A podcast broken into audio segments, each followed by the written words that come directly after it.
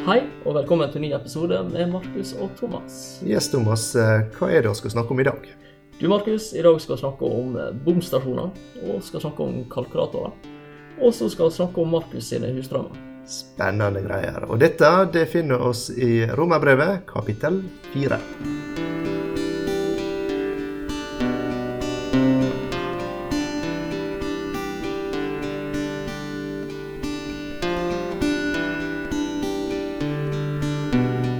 Da, med oss, igjen. Ny, Ja. ny episode. Nå er det ny episode, og det er egentlig veldig fint vær eh, for å være januar. Det er ikke sant? Det, det hadde vært greit om det var januar. ja, nei, jeg, jeg vet hva, været, jeg har ikke lyst til å snakke om været. Jeg kjenner, jeg kjenner det, det blir, det blir litt for galt i dag. Eh, Men noe annet jeg kan snakke litt om som jeg syns var veldig fint å komme til, det var da jeg kom opp på huset her i dag. Så parkerte bilen, så hørte jeg hørte noe musikk, og sto et par biler utafor. Tenkte jeg i alle dager. Kom inn, og da var det godt trykk fra noen ungdommer som driver og øver til ungdomskveld. Ja.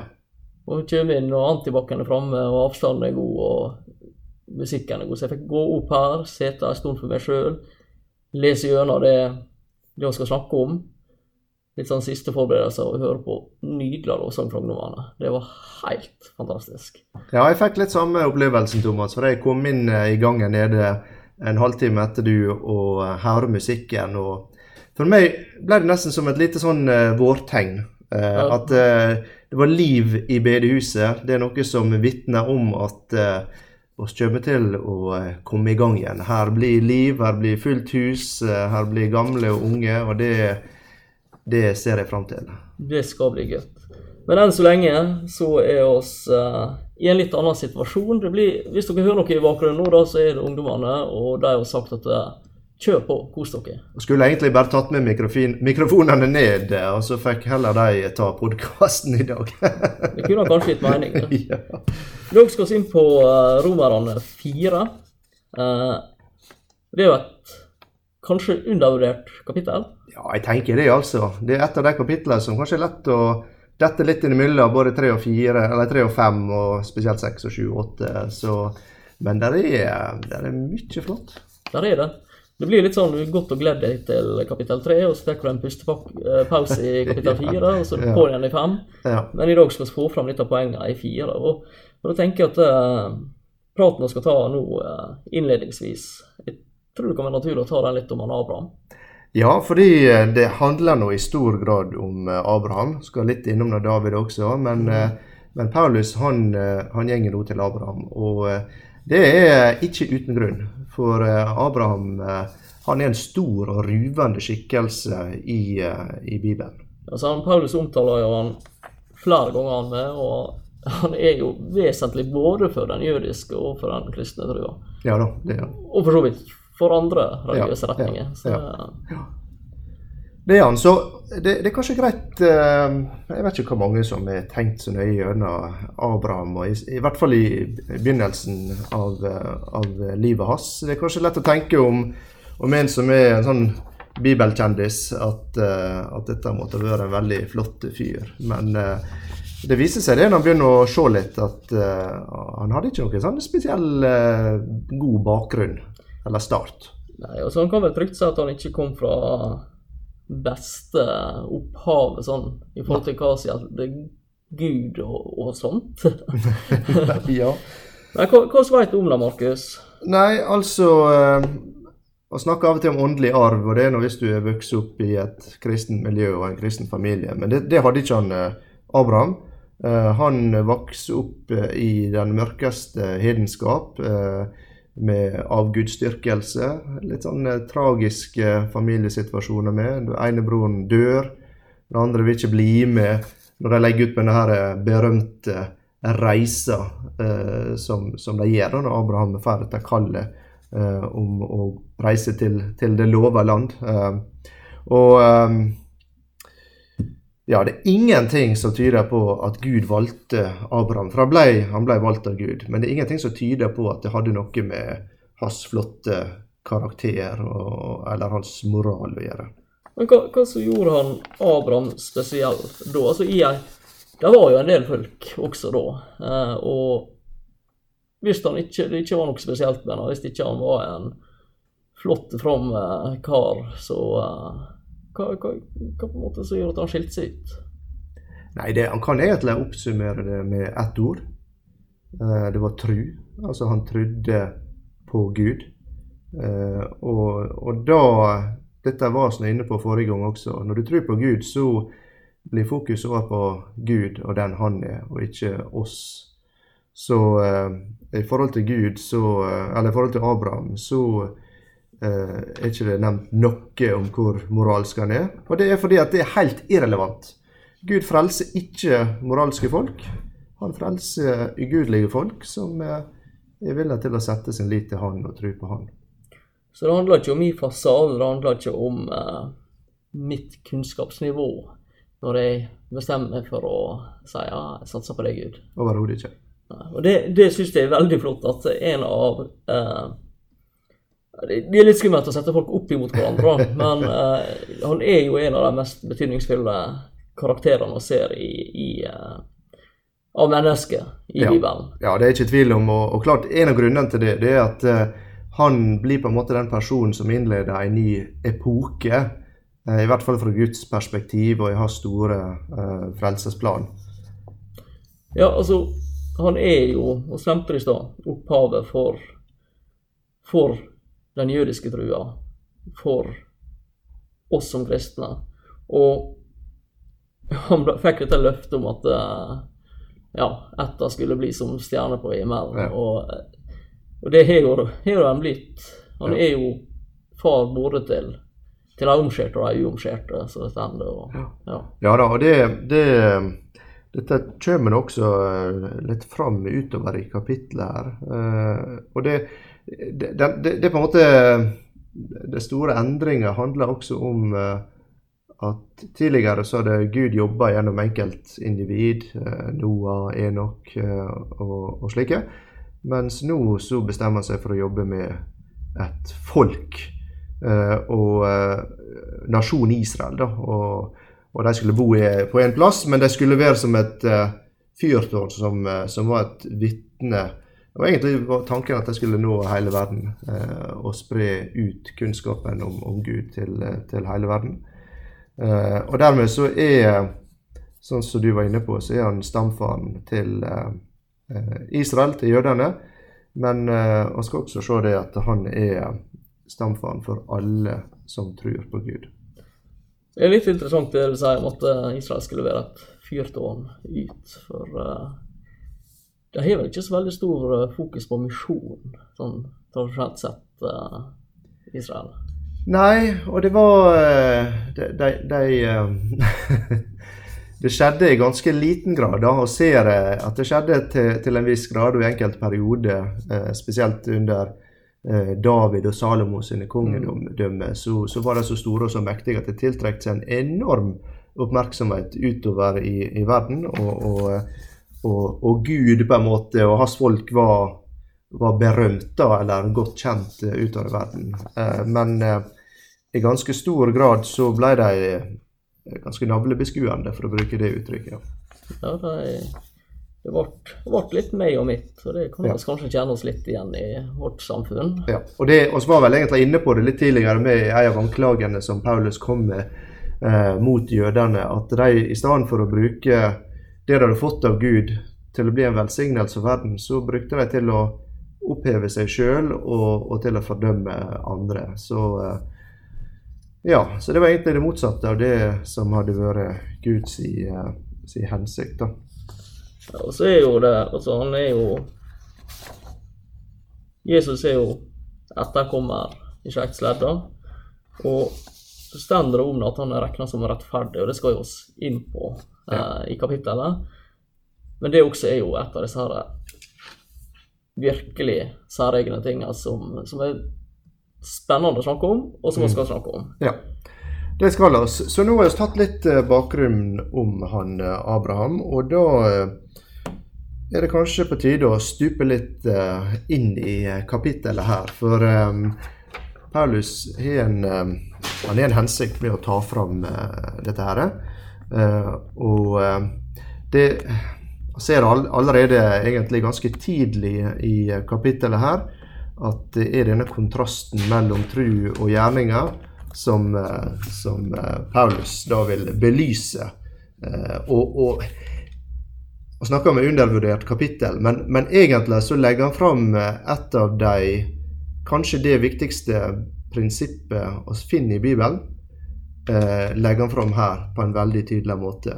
Og det er Ja. Eh, Kanskje, Jeg håper det kan være en, en, et insentiv, en liten gulrot, for å høre ferdig denne podkasten her. For her skal vi inn på et prinsipp som er helt avgjørende for de som er kristen, eller kanskje en som lurer på dette her med tru, eh, å forstå. Det er hele nøkkelen til eh, eh, ja, det som har med, med, Guds ord å gjøre, og det som har med frelse å gjøre. og ja, ja, og jeg, jeg har et spørsmål så jeg på en måte jeg skal ikke svare på spørsmålet nå. Nei. Men et spørsmål jeg vil ta med inn i, inn i denne episoden, inn i dette kapittelet. Og det er er Gud interessert i en framtidig versjon av meg som gjør at han holder ut med meg slik jeg er nå, i påvente av den versjonen? Eller elsker han meg for den jeg er nå? Og det Ligge, kan hende å svare litt på. Du kan få ligge litt uh, dette der og godgjøre seg etter spørsmålet der.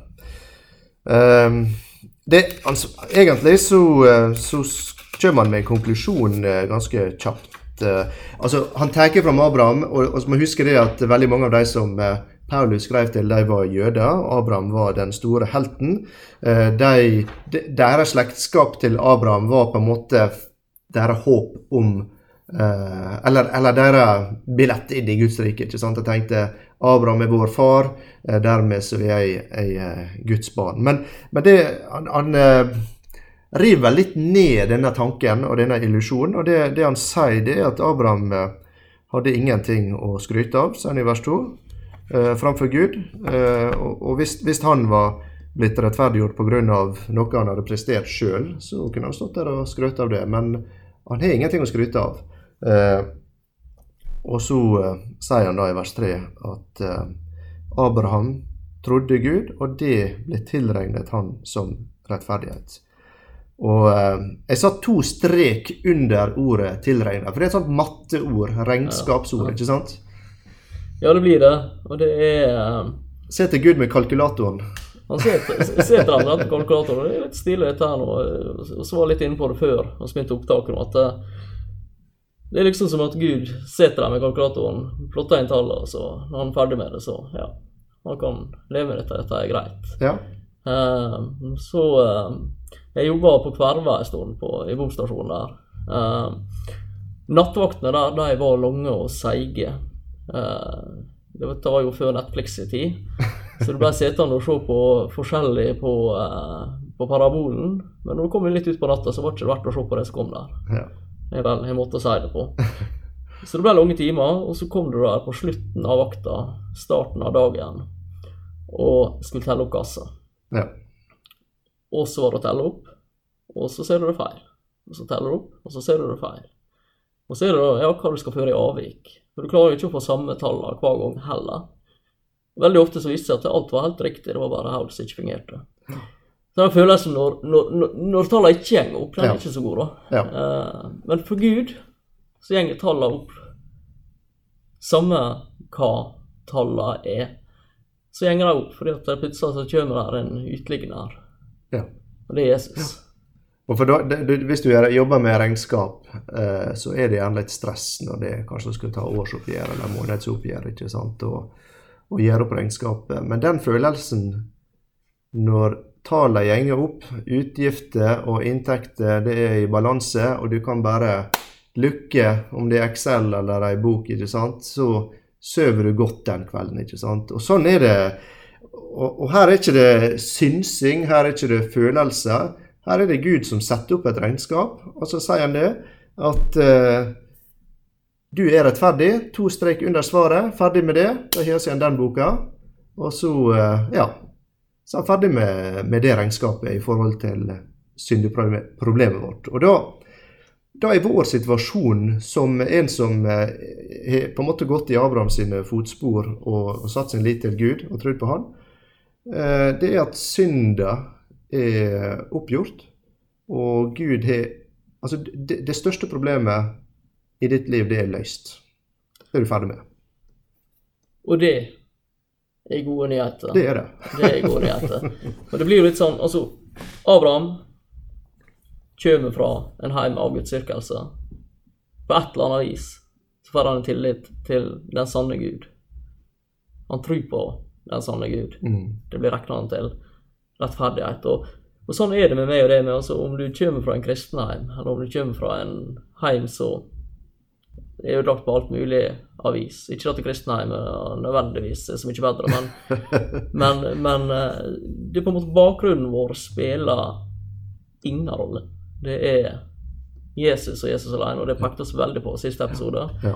Men det er jo det Paulus peker på hele veien gjennom romerne, så må han fortsette med det oss også. Ja, vi må det. Og i, eh, i vers 4 så snakker han om at eh, ja, hvis du skal satse på gjerningene, den som har gjerninger, han får ikke lønna av nåde.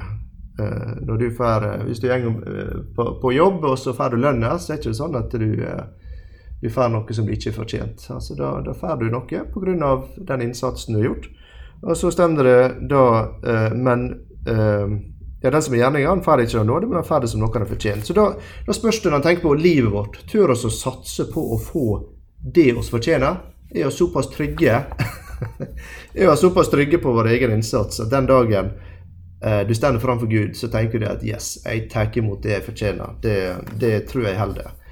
Um, den, eh, den er litt uh, skummel. Iallfall uh, når jeg tenker på meg sjøl. Jeg tror ikke jeg hadde Eller jeg veit jeg ikke hadde turt å satse på å få det jeg fortjener. Nei, altså, jeg, jeg tror jeg trekker mot vers 5, jeg, altså. ja. Så det at det, det, det er ikke for meg at det blir regna som rettferdig. Det er Vi tror på Han. ja. Og de bruker dette ordet 'tilregna' igjen. Ja. Og det er et ord han bruker som tilregna. Altså Det er noe som er lagt til. Det er ikke, det er ikke noe som er der av seg sjøl.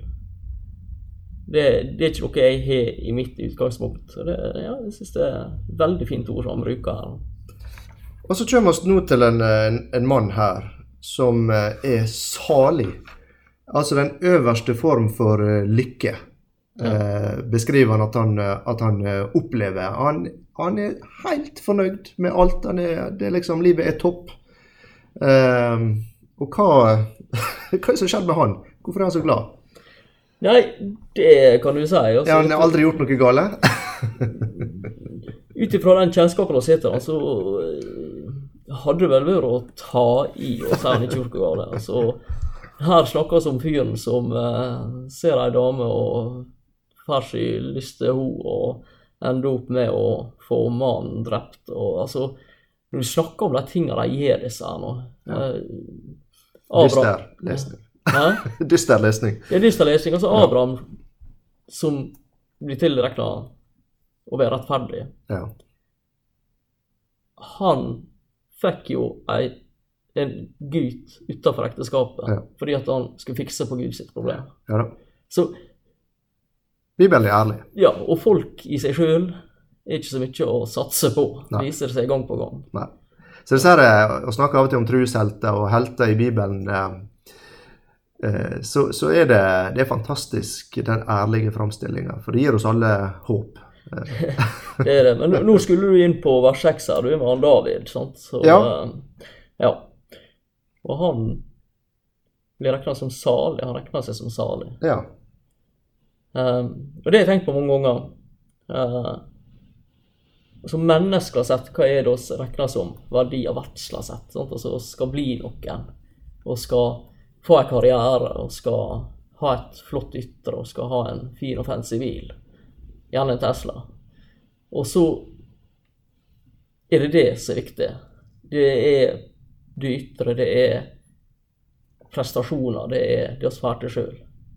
Og så har du noen som, som havner i en situasjon der du, du ikke har mulighet til dette. Verdslig sett, hva med deg? Det er ja. stusslige greier. Og det kan jeg si, og så er jeg, jo en sånn sjøl. Verdslig sett så er det ikke så mye å skryte av. Jeg har det bra. Jeg, familien min har det bra. og så er ikke noe å klage over. Men verdslig sett så, så er ikke så mye mer å hente med, med, med vår situasjon. Og så kommer dette her gudsordet, og så får får oss del i den der saligheten. Og så blir ikke alt dette andre så viktig, og så har du Ja. Du, du, får, du får en sånn livsglede, rett og slett, Mm. som er unna alle å få del i, altså. Og det er litt av det, det håpet som oss kan komme i kontakt med og få i livet vårt eh, når oss eh, får gjenoppretta vårt forhold med, med Gud. For eh, eh, ja, du nevner din situasjon, og du har kroniske helseproblemer og utfordringer på, på det. Men eh, og, og, og eh, det kan ta livsmotet ifra oss. Det kan knuse drømmer som vi har hatt. Men eh, når han kommer i kontakt med Gud, så ser han det at eh, eh, det er ikke begrensninger med han. Fordi at igjen, som vi har nevnt både forrige gang og denne gangen, når vi kommer i kontakt med Gud, så ligger ressursene hos han. Det er ikke avhengig av oss lenger og hva oss klarer. Så det, det er et veldig håpefullt budskap i samme hva situasjon du befinner deg i. Ung, gammel, syk, frisk. Eh, ja, det, det er så mange utfordringer. Jeg tror, sånn som jeg opplevde, så bare du kommer nær nok innpå folk, så dukker det opp utfordringer med de fleste som, eh, som oss gjenger og, og sliter med. Og, og dette blir en liten avstikker, men jeg syns det er så fint, for eh, Jesus, når han kommer med en invitasjon, så sier han også hva type folk som kvalifiserer til å komme. Og da sier han det er ja, det er du som sliter, og du som eh, bærer på tunge byrder, ikke sant. Du som, eh, du som opplever at livet det blir for tungt, dette her det makter ikke lenger, da er du kvalifisert. Ja, og dette er, det er kjempesilo. Det er det vi ser av Abraham, det er det vi ser en David. At det, Så Abraham, da. Han er jo i en umulig situasjon. Her er Gud løvd nå. At du skal ha svær ett, og så har det som stjerne på himmelen. sant? Ja, det er en umulig så, og så situasjon. plutselig så er Sara 90 år, og det er ikke en eneste gutt vant. Ja, det er det. Du kan begynne å skjønne hvorfor Ja. han eh, Hvorfor han uh, tar til tjenestejenta. Ja, ja da, det, det kan han. Og, uh, når du snakker om uh, altså verdslige ting, eller altså Egentlig så hadde ville du oppnådd det, det meste her i livet i forhold til rikdom og berømmelse og makt. Altså alle disse tingene der. Eh, han var en eh, krigshelt og, og alt mulig. Men det som ga han lykke, det sier han, det er at han hadde fått sine overtredelser tilgitt og sine synder skjult. Og så sier han salig er den mann som Herren ikke tilregner synd. Altså det var det Sjøl for han som på en måte hadde lykkes i livet, så var ikke det som ble kilder til glede, men det var dette her er regnestykket som han hadde fått, fått satt sett seg sjøl inn i. da. Og det er her å stille likt han Prøysen synger om det Jørgen Hattemaker. Altså, han synger om leie blir forskjellig fra silkeseng til strå. Altså, ting kan se så ulikt ut, men dette her nådebudskapet det er likt uavhengig om at oss er i verste slummen og gjørma og svelter, eller om at oss bor i et palass. Mm. Det er ikke forskjell på oss Nei. i møte med dette. Nei. Du er ikke bedre eller verre enn andre som utgangspunkt. Mm. Det er like galt med alle sammen. Ja. Ja, kanskje, eh, altså, Da kan jeg begynne å lure på hvorfor eh, Paulus maser sånn om denne her omskjærelsen. Og det, For oss virker det litt eh, fjernt kanskje og rart at hvorfor han skal snakke om det. Men da må en nesten forstå litt av den sammenhengen Altså i den samtida og den kulturen der, der eh, det, det var på en måte for jødene ekstremt viktig. For det var et tegn på at de tilhørte Gud. Men grunnen til at Paulus tar det fram her, det er at han prøver å, å vise eh, jødene da spesielt at dette her med omskjærelsen det hadde ingenting med Abraham sin rettferdighet å gjøre i det hele tatt.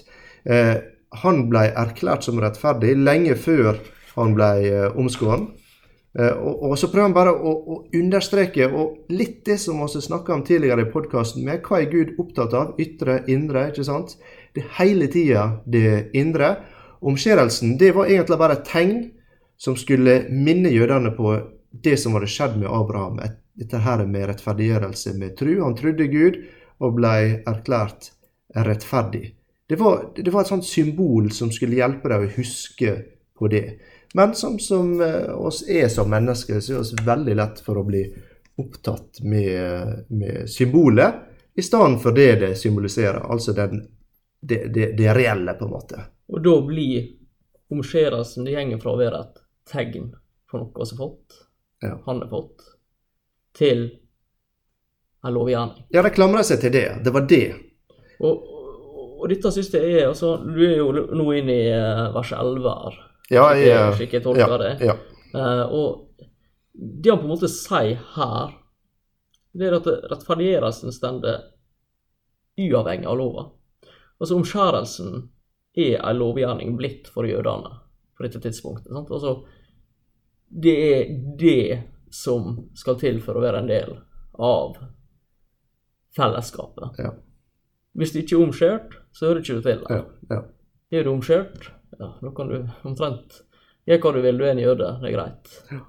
Uh, og han Paulus snakker jo om det i andre sammenhenger, at uh, ja, hvis du er omskjært og du og stjeler, så er jo omskjærelsen som ugyldig. Altså, ja, ja da, sier det, det, og det, og det går igjen i Guds ord, altså, at disse ytre tingene de teller ikke for noe hvis det ikke, hvis det ikke reflekterer en indre realitet. og... Uh, jeg blir nesten som, Si du er i Oslo og så skal du kjøre til Ålesund, og så stopper du med første skiltet der det står Ålesund på og tenker nå er jeg kommet fram. ikke sant? Og, eller du, du, kjører i Ålesund på innfartsveien fordi du er heimlengsel og vil ut på Vigra, og så kommer du til skiltet der det står Vigra og gjeng og gir deg en klem. ikke sant? Det er helt meningsløst. Det er fordi at det er bare Ja. Og jeg tror det er lett for å gjøre det. Det er veldig mye krangling eh, iblant kristne om dåp og nattvær og sånne ting. ikke sant? Og det er det, egentlig, det også skulle være tegn som peker på virkeligheten. Men oss blir så opptatt med disse her tegnene. Det er som å se på pekefingeren i stedet for det vi peker på. Og så lar oss det bli ting som splitter oss. Ja. Som gjør at vi ikke kan ha fellesskap med hverandre. Og da begynner jeg å tenke ja Skal det være så vanskelig, egentlig? Dette skal, trenger ikke å for dette kan bli en lang ja, Men, men eh, jeg har lyst til å hvis vi kan gjøre det, ta oss en liten tur til Galaterne, eh, kapittel 3. I vers 11 så står det til 13 nå. Og at ingen blir rettferdiggjort for Gud ved loven, det er klart, for den rettferdige av tro skal leve. Og loven har ikke noe med troen å gjøre. Men der heter det, den som gjør det, skal leve ved det. Kristus kjøpte oss fri fra lovens forbannelse ved at han ble en forbannelse for oss. For det står skrevet 'Forbannet er hver den som henger på et tre'. Så lova hun er jo utgangspunktet så er jo lova god. Det er noe godt. Det er noe Gud har gitt oss. Og vi var inne på det sist gang, at ja, det var tre på en måte hovedmåter å se på lova. og og sånn og sånn. Men det som faktisk er lov, er at det er en umulig standard. Ja. og så kommer han som ble til forbannelse for oss. Ja. Som hang på korset for oss. Og det Ja. Så det ble en liten avsporing fra at omskjærelsen skulle være tegn, men det ble en liten videreføring i, i vers 11 her. Mm. At eh, det var seglet på den rettferdigheten, altså tegnet seglet på, på den rettferdigheten som Abraham hadde, og ja. som skulle følge av sine. Det var det som lå i bunnen. Det var det som var Og På samme måte så får oss Den hellige ånd som ja. pantet på, eller seglet på, ja. eller tegnet på, at oss er tatt imot frelsa ved trygd. Mm. Og, men det, det, er interessant, eh, altså, du snakker litt om loven nå. Så sier han Paulus i vers 15 for loven virker vrede. Kanskje en litt uh, unaturlig måte å si det på, da. men lova sitt resultat, eller den fører til vrede, sinne. og det og det, altså Det lova gjør, det er å peke på våre mangler, ikke sant? Og så avslører, sånn som det å snakke om sola som skinner inn gjennom vinduet, den avslører våre feil. Den forteller oss eh, at du har gjort feil. Det, her er en overtredelse. Her er du ja, kjørt for fort. ikke sant? Og det, det er ikke sånt som oss blir glad av å høre. Du kommer de og sier 'Markus, det er ikke bra nok'. Nei, det er det han sier. Så det, det resultatet. Og så det å satse på lova når det og ser at det den fører til, er vrede, det er litt skummelt. Det er veldig skummelt. Og når du da kan få dette her ufortjent Enten det er Abraham eller David eller Moses eller Thomas eller Markus, så, så kan du få del i det. Og det, det, det syns jeg i, i, i, i vers 13 så sa han at eh, for å ikke ved loven Abraham eller hans eh, ett fikk det løftet at han skulle være arving til verden, men ved troens rettferdighet. Og mm. litt stilig med det, altså arving av verden Det er på en måte det som er summen av alle Guds løfter til Abraham. Mm. Eh, at sin slekt blir utgangspunktet for vår mulighet til fellesskap med Herren. Så det er et løfte som ikke nødvendigvis omhandler denne verden, men det er en mer kosmisk dimensjon rundt seg. Uh, og så får vi lese om at vi er medarvinger til dette, her nå, at vi går inn i det hebreerne 1, 2 og 3 og romerne 8, 17 sier noe om det. Mm. Så med dette så blir vi på en måte oss blir Abrahams åndelige etterslekt.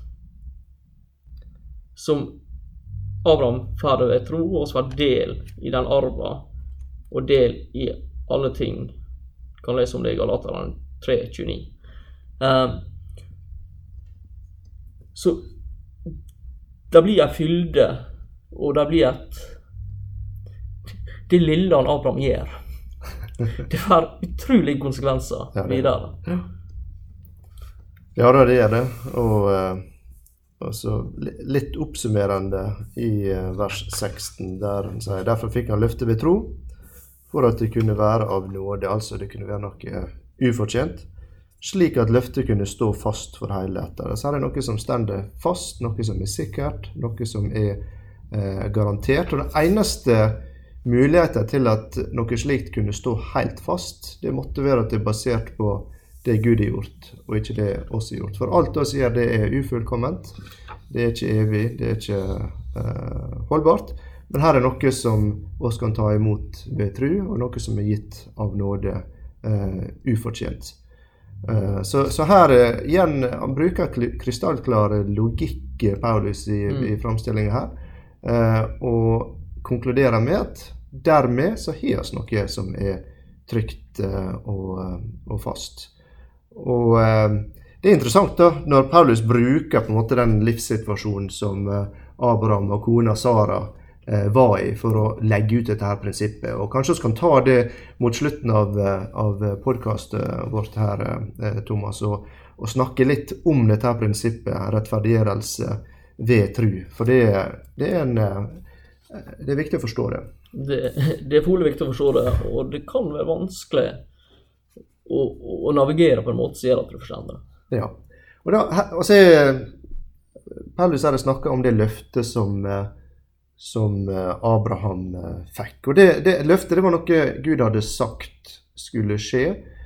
Gud hadde lova at han skulle bli etterfar. Han skulle få mange etterkommere. Men en forutsetning for at det skulle kunne skje, var at de måtte få en unge sjøl, ikke sant? Og så gikk tida, det varte, og det rakk. Ingenting skjedde. Uh, og uh, oss kan, kan, se her i vers 19, det står om, om, Abraham, at uten å bli svak i troen, tenkte han på sitt eget legeme, sin egen kropp. Det står som alt var utlevd. Han var jo snart 100 år. Og på at Saras morsliv var utdødd. Altså Situasjonen der er rent menneskelig sett var at dette er umulig. Eh, oss kan ikke få unger lenger. Eh, oss er gått ut på dato når det gjelder akkurat eh, det. Så, så det, er, det, er, helt umulig. Eh, men Gud hadde sagt det skulle skje. Så da, da, da, da blir du stilt på valg. Ok, hva ser jeg på? Ser jeg på mine forutsetninger og tenker at dette er umulig? Eller ser jeg på det Gud har sagt og tenker at, jeg tenker at det han sier, det er sant, på tross av uh, at uh, det ikke er noe i meg som tilsier det? Alt er logisk, alt du kjenner til, tilsier at dette her gir ikke mening. Det Alt du kjenner til, ja. I, I, vers 18 her så står det her jeg, lik, jeg, liker dette her. Mot håp trodde han med håp. Ja. det, den, den, er fin. Den er veldig fin. fin. Ja. Det er, For det er ikke mot logikk eller mot fornuft, men det er, han hadde et håp på tross av at de fleste ville sett på dette som en håpløs situasjon. Og det er det du sier her, da. At det er ikke mot logikk. Nei. Men samtidig så er det det. For hele verden ellers så er dette mot all logikk. Ja. Og, og, og det, det, er jo det som står om, om, vår tro med, at det er en dårskap for de som går fortapt. Det er ikke logikk for dem, men idet du får innsynet ditt, og så ser du de logiske sammenhengene både til dette i kombinasjon med den verden vi lever i. Og på den måten så kunne han, Abraham, med logikk, stå i dette håpet her. Ja. Nei, det er klart veldig mye som eh, altså Det handler om utgangspunktet vårt, eller verdensbildet vårt. Og hvis eh, jeg i mitt verdensbilde har utelukka Gud, så vil det påvirke eh, logikken min. Og jeg, jeg, igjen eh, så, så jeg har lyst til å, å, ta fram litt dette her med, med tru. For det er veldig mange som har en tanke om at eh, da, da, må du forlate logikkens verden. Da må mm. du forlate fornuftens verden når du skal over på dette med tru. Det, det er i to ulike sfærer, på en måte. Men uh, det er jeg uh, uenig i. Uh, for jeg mener tru ikke er å gi avkall på logisk tenkning og, og fornuft. for meg så handler det om å ta Gud med i den logiske prosessen. Og Et eksempel på det det er når Jesus eh, sto framfor ei enorm folkemengde med sultne folk. På engelsk er det uttrykket 'hangry', så det var kanskje Den som er unge, vet at eh, hvis, det, hvis de blir sultne, så, eh, så surner stemninga ganske kjapt. Og så spør han da, en av disiplene spør Philip hva skal vi gjøre her. Og Philip han var sikkert en veldig logisk Kanskje han var, kanskje han var regnskapsfører. altså Jeg snakker om regnskap i denne episoden. Han kommer iallfall opp med en enorm sum. Jeg tror det tilsvarer en årslønn. Og sier at uh, sjøl med en sånn sum, så vil ikke oss klare å løse dette problemet, problemet her. Og så vil ikke klare å kjøpe nok brød til å mate folk her. Så logisk tenkning tilsa at dette var umulig. Men hvis han Philip hadde tatt med i regnestykket at her sto han framfor universets skaper, eh, så eh, ville logisk og fornuftig, fornuftig tenkning tilsi at det her var det gode muligheter for å løse dette problemet. For her står det i lag med Jesus. Han er ikke hvem som helst. Uh, og, for meg blir det litt Kanskje for å ta det inn i vår hverdag. Eh, hvis, hvis, jeg forteller deg, Thomas, nå at jeg har planer om å kjøpe et hus til 50 millioner kroner, så, så vil du tenke at det rabler for meg, ikke sant? Jeg tenker at en på misjonærlønn kanskje ikke bør tenke i de banene, ja. Det, ja. det, vil jeg si. Ja, ikke sant. Så det, det, det det, det, vil være helt umulig for meg i dag, da, for å si det sånn. Men hvis jeg hadde en rik onkel, kanskje han var milliardær, som hadde sagt til meg at jeg tar regninga. Jeg betaler for dette her huset. Så ville situasjonen ha endra seg. Eh, hvis jeg hadde tillit til denne her eh, onkelen, og, og, han hadde vist seg å være til å stole på, eh, så kunne jeg sagt etter logisk tenkning og etter fornuftig med, å bruke fornuften, at dette her, det, det gjenger. Dette satses på. Dette her, er det, det går. Og Det var fordi at jeg, jeg trodde at onkelen min snakka sant, og jeg trodde at han hadde ressursene til å gjøre dette her mulig. Og det, det, er akkurat det samme Abraham gjør her. Han eh, ser på seg sjøl og tenker jeg klarer ikke dette her. Men så tenker han ja, men eh, hvem er det som har sagt det? Ja, det er Gud. Han viste at jeg kunne stolt på han tidligere. Jo, gjennom hele livet etter han ble kalt og, og, og han begynte med denne vandringa og alt som skjedde. Eh, han hadde vunnet eh, militære seire og forskjellig sånt. Og så, så har han sett det at Gud han er til å stole på. Og han har også sett at Gud han har ressurser, han har krefter til å gjennomføre dette. Dermed så var det en, en logisk konklusjon Abraham kom til i denne situasjonen. Og Sånn er det med vår tro også, når det Gud sier det at oss kan bli gjort rettferdig ved tro. Da, da blir vi stilt på valg. Snakker Gud sant? Eh, er han til å stole på? Eh, har han ressursene som skal til for å få regnestykket til å gå opp? Ja, da, da, da, da må han konkludere der, da, før han velger om han vil tro eller ikke. Så eh, ja, nå har jeg snakka lenge, Thomas, men eh, ja, jeg, jeg ivrer litt for dette. Ja, og jeg er helt enig med deg. og En ting som jeg syns det kanskje ja, Det kan kanskje bruke, brukes mot meg å bruke uh, dette eksempelet, men det er ganske nylig at oss har en verden prega av ateisme. Ei tru på at det ikke er noe Gud. Altså, jeg tror. ja, men det er det, det jeg tror. Det må ha sterke tro, ja, slik jeg ser det. Eh, men å, å tro på tilfeldighet, å tro på at uh, ting har kommet på en usannsynlig måte av seg sjøl, og måtte begynne å forklare alle de konseptene og altså, Når du begynner å spinne opp med multivers, da tenker jeg, da, burde du inn og innse at dette er litt tynt. Men det var ikke det som var poenget. Poenget er opp gjennom verdenshistorien så har utgangspunktet for menneskeheten alle plasser vært at der er noe mer. Ja. Der er noe mer enn oss. Det er ikke tilfeldig. Vi har noen over oss. Og så har vi hatt ulike tanker om hvem det er vært. Mm. Så når Paulus skriver til romerne, når Abraham gjenger med sine, av. så er utgangspunktet for folks tenking at her er noen over oss.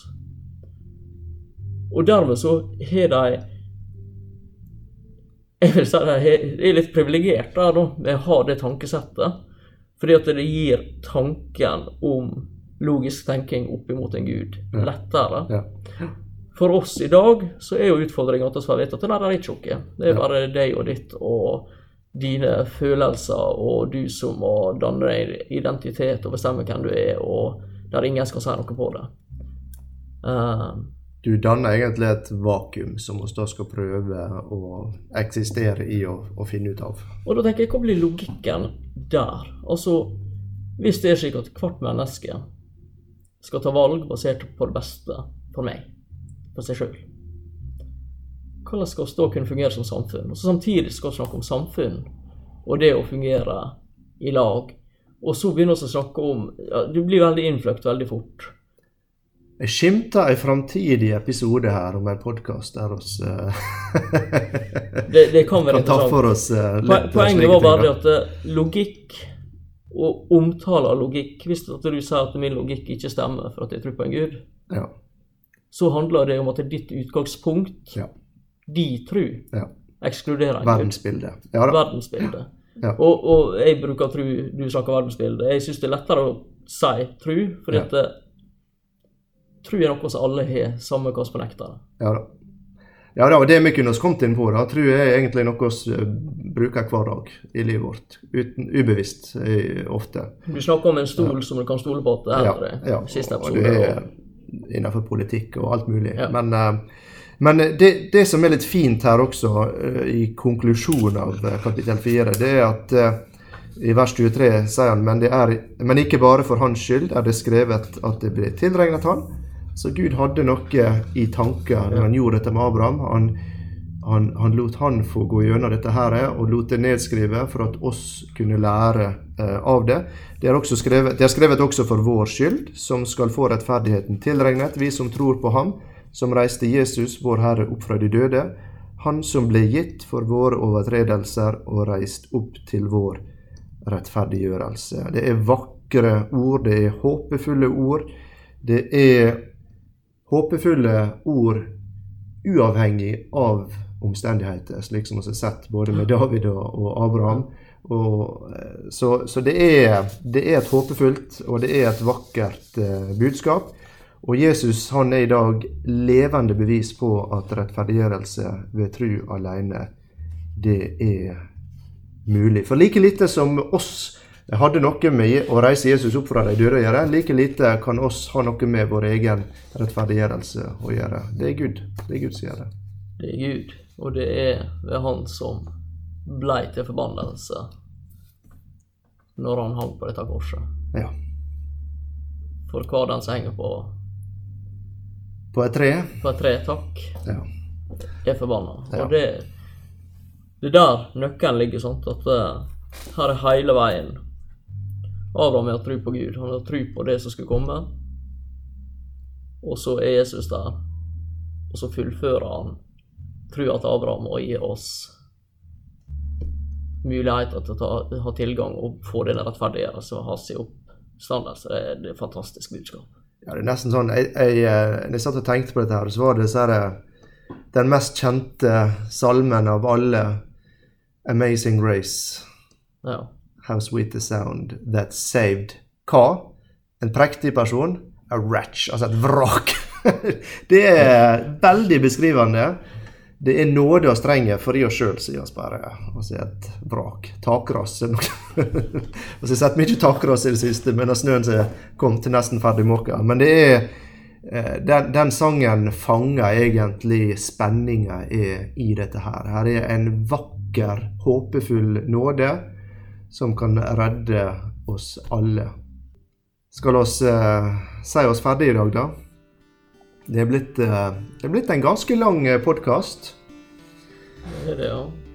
Ja, så kom så bikka tre kvarter, Thomas, så eh, kanskje vi skal eh, ha, ha litt miskunn med lytterne våre og gå til avslutning. Jeg tror, jeg tror å at denne sangen du hadde der, eh, Markus, er dekkende uh, som en avslutning. Rett. ja, og den uh, tror jeg de fleste kan, så kanskje du kan nynne litt på den og tenke litt på eh, det som vi snakker om. og Ta fram kalkulatoren og tenke litt på regnskap også. Det blir en episode neste uke, Det blir det. og vi setter veldig pris på tilbakemeldinger. Så håper vi at dere vil lytte, og gjerne dele videre til andre. Takk for i dag. Takk for i dag.